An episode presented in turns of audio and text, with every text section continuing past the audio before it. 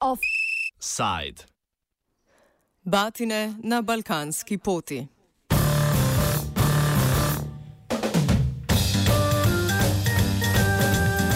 Hrvaški inicijativi za podporo beguncem Dobrodošli in Are You Serious sta včeraj javnosti predočili poročilo o novem valu policijskega nasilja nad prebežniki, ki želijo v Evropsko unijo priti preko meje med Hrvaško in Srbijo.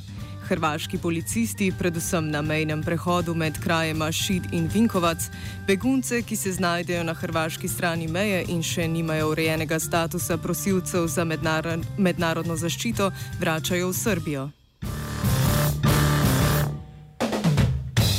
Ob tem so zdravniki brez meja ob medicinskih pregledih beguncev v zadnjem času dokumentirali številne primere, ko je policija skupine beguncev, ki so jih zajeli na Hrvaškem, strpala v neoznačene kombije, jih peljala v bližnji gost in jih tam s palicami, pendreki in kamni pretepla, preden so jih izročili kolegom na srpski strani meje.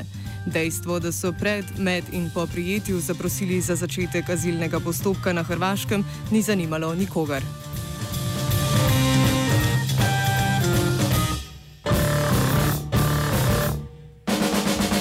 O dogajanju smo spregovorili z Nidžero Ahetaševič, novinarko in raziskovalko Centra za družbeno raziskovanje Analitika, ter Leo Horvat, članico inicijative Dobrodošli.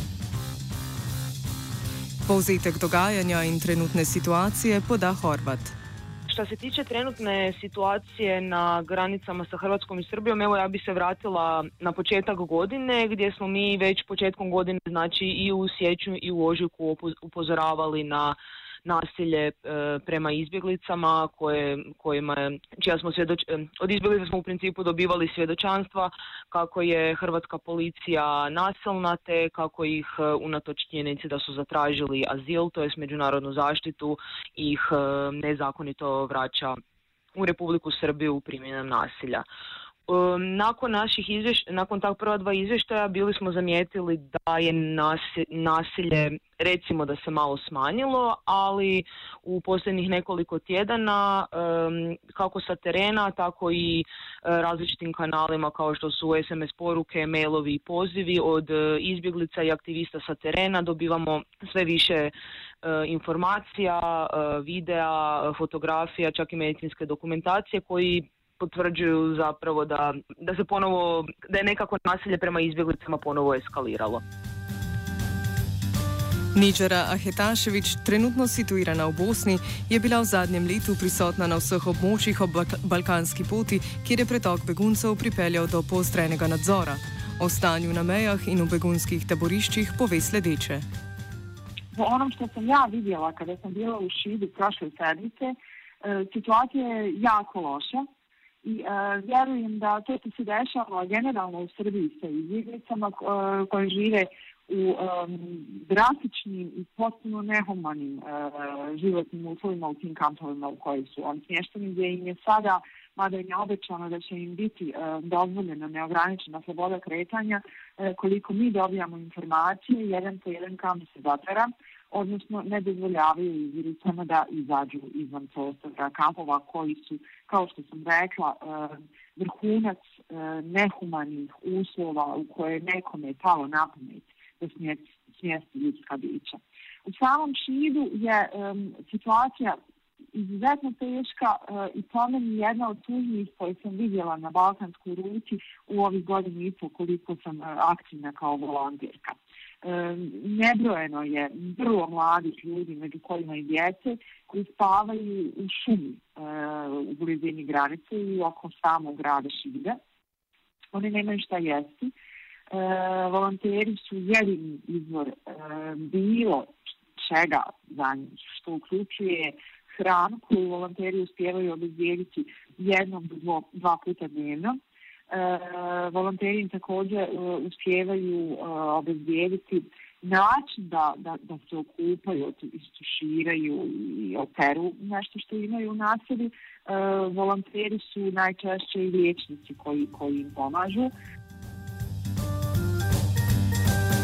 zaprtjem in strogim nadzorom vseh meja na balkanski poti od Grčije do Bolgarije se je pritok prebežnikov iz Bližnjega vzhoda znatno zmanjšal.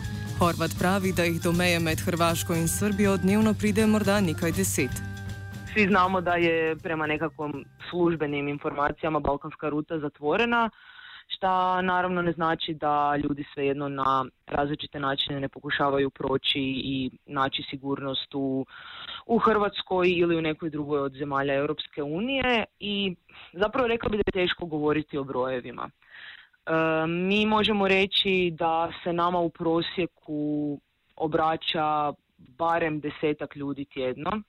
Neki od tih ljudi sa, sa različitim e, iskustvima nasilja koja su doživjeli, tako da mi možemo govoriti o nekakvim okvirnim brojkama, ali nažalost sigurna sam da broj ljudi koji doživljava e, ilegalna vraćanja, koji doživljavaju nasilje e, je nažalost puno veći i da zapravo o, o, o nekakvim stvarnim brojkama možemo samo nagađati. V nadaljevanju poda tudi svoje videnje razlogov za nasilna vračanja oziroma krovno politično logiko Evropske unije do beguncev, ki jih uspodbuja. Pa ja bih rekla da je jedan od bitnih razloga to da su nekakve cijele, cijela politika Europske unije postaje sve više i više restriktivna. Mislim to možemo vidjeti i u različitim zemljama koje su zapadnije od nas kao što je i Njemačka i Austrija koji sve više i više um, i prema Dublinu i um, vraćaju zemlje u vraćaju izbjeglice u druge uh, zemlje i vraćaju ih u njihove države podrijetla, a isto tako sve više i više se nekakvim utvrđivanjem granica, nazovimo to tako, kroz različite ovaj ograde, povećavanje policijskih djelatnika i različite druge načine se osigurava da ljudi sve teže prolaze i da ih se na neki način, rekla bih i tim na, nasilnim djelovanjem odvrati od toga da oni pokušaju zapravo naći sigurnost.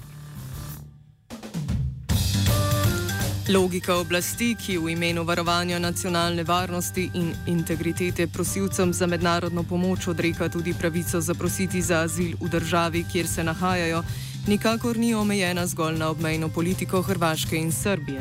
Ahetaševič. To, to rade nažalost sve zemlje. Ovaj, I to je to, recimo, i ovo što sam rekla da su crnogorci i bosanci, svi samo vraćaju nazad. I to je taj, ta, čak sam ja u nekim od tekstova i vrlo često to, to sada ljudi nazivaju taj ping pong efekt. Oni se igraju tim ljudima i samo u stvari, ja mislim da je da je cilj tog tih push, ilegalnih pushbackova je da, da, da, da, da im jednostavno da, da se nadate da će oni jednog dana odustati. Ja sam upoznala ljude koji su po 16-17 puta pokušavali prijeći. Neće odustati jer oni nemaju gdje odustati, oni nemaju izbora. I to ne radi samo, samo Hrvatska, to radi recimo Makedonija u Grčku, vraća ljude, Rumunija vraća ljude, Bugarska gura ljude na istinu, broj pushbackova iz Bugarske je, je, je, je nebrojan, to, to je ogromno.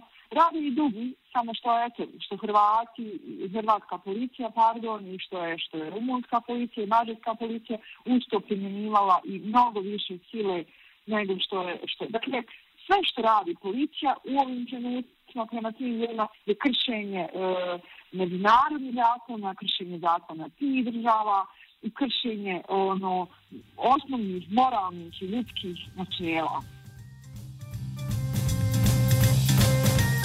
Kaj pa uradni postopki preiskav policijskih praks? Glede na malo časa, ki je minil od objave poročila o nasilnih praksah policije in prijave, ki so jih organizacije in posamezniki naslovili na hrvaške pristojne organe, po mnenju Horvat uradnega odziva še ne bo v kratkem. Pa e, od, nek od nekih slučajeva koje smo mi uspjeli zabilježiti, e, mi smo ih e, mi smo podnosili kaznene prijave na različite institucije u Republici Hrvatskoj, a za neke slučajeve u budućnosti planiramo ići i na neke europske institucije, te smo osim toga našim izvještajima kontinuirano upozoravali i zapravo tražili od policije da na neki način i provedu svoje, nazovimo to, unutarnje nadzore i kontrole kako bi se utvrdilo eventualno nekako nekorektno postupanje policijskih djelatnika. Mm. Tako da, ali što se tiče uh, konkretnih slučajeva da oni su još svi uvijek u postupku.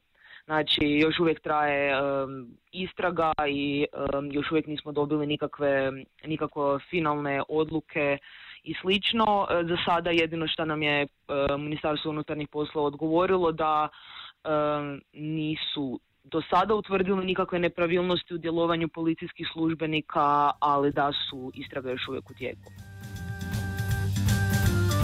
Izkušnja nasilja in nezaželenosti vseeno ni univerzalna za vse, ki so se do varnega objema EU podali prek Balkana. A Hetaševič izpostavi eno izmed svetlih izjem - Kosovo. Večina ljudi, ki so imeli priliku doći do uh, Kosova iz Sandjaka, dakle dela Srbije, su duboko dirnuti i, i, i, i, i, i iznenađeni ljudskošću koju su ne samo od policije u tim dijelovima dobili, nego i od ljudi. E, neki od mojih prijatelja koji su prošli preko Kosova na svom putu do, do, do, do Evrope su, su i dan danas govore da je Kosovo najljepše mjesto koje su mogli vidjeti ili doživjeti jer je policija bila dobra prema njima, tretirali su ih kao ljude u nevolji E, jer su im pomogli na svaki mogući način, jer su im prolaznici na koje su nailazili dok su prolazili kroz Kosovo e, su bili jako dobri njima. Pogoji, v katerih bi ljudje morali bivati in potovati, če se v problematiko ne bi umešavale aktivistične in druge progresivne inicijative, bi bili verjetno še hujši kot so zdaj.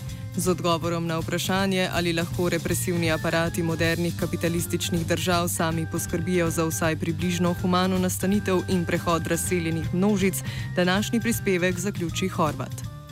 E, pa što se tiče nekakvih e, i grassroot organizacija i organizacija civilnog društva, Mislim, svakako bi rekla da nakon zatvaranja balkanske rute se neke uloge jesu promijenile s obzirom da jednostavno je puno manji broj ljudi prolazio i nije možda bio to, nije više možda toliko fokus na tom nekakvoj humanitarnom zbrinjavanju ljudi koji su stvarno u veoma lošem stanju prolazili kroz naše zemlje i slično.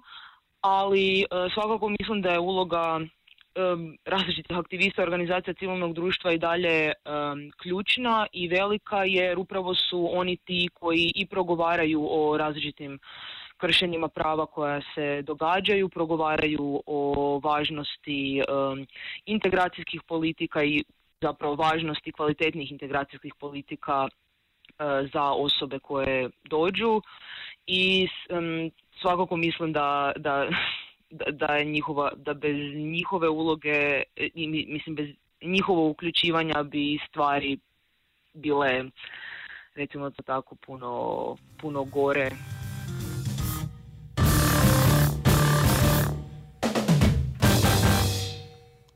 Offside je pripravil Vitežnik. Ponovno kličem.